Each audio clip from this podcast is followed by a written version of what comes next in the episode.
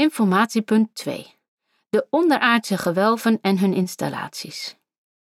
Het zoute water werd op twee plaatsen gewonnen, elk aan een uiteinde van de gewelven. Ze worden de bovenstroomse en de benedenstroomse put genoemd.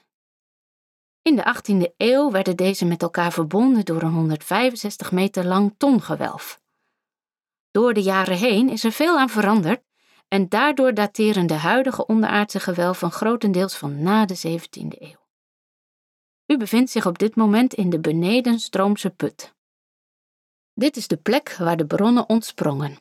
Eerst moest het zoete water gescheiden worden van het zoute water met behulp van houten bekistingen. Het zoute water werd naar een opvangreservoir geleid en het zoetwater kwam terecht in een kanaal, de Sicon, dat uitkwam in de Furieuse. De openingen die u hoog in het plafond van de gewelven ziet, waren hoogstwaarschijnlijk de gaten waardoor de schepvaten leeg naar beneden kwamen en met het pekelwater weer omhoog gingen. De paarden die het systeem aandreven bevonden zich in een gebouw aan de oppervlakte, het molenhuis genoemd. In de 19e eeuw begon men gebruik te maken van boortechnieken, waardoor het mogelijk werd om de pekel rechtstreeks uit de steenzoutlagen te winnen. De bronnen raakten daardoor buiten gebruik en de benedenstroomse put werd vervolgens gebruikt voor opslag van de as die overblijft na het verdampingsproces. Daardoor ligt de grond hier vandaag de dag enkele meters hoger. 21 kilometer verderop bevindt zich nog een andere belangrijke zoutlocatie, de zoutwinningen van Arquet-Senon.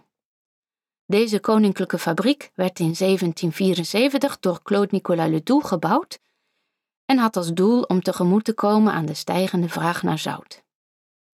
Het was moeilijk om de zoutfabrieken van Salins te moderniseren, omdat ze omringd waren door muren en gelegen waren in een vallei.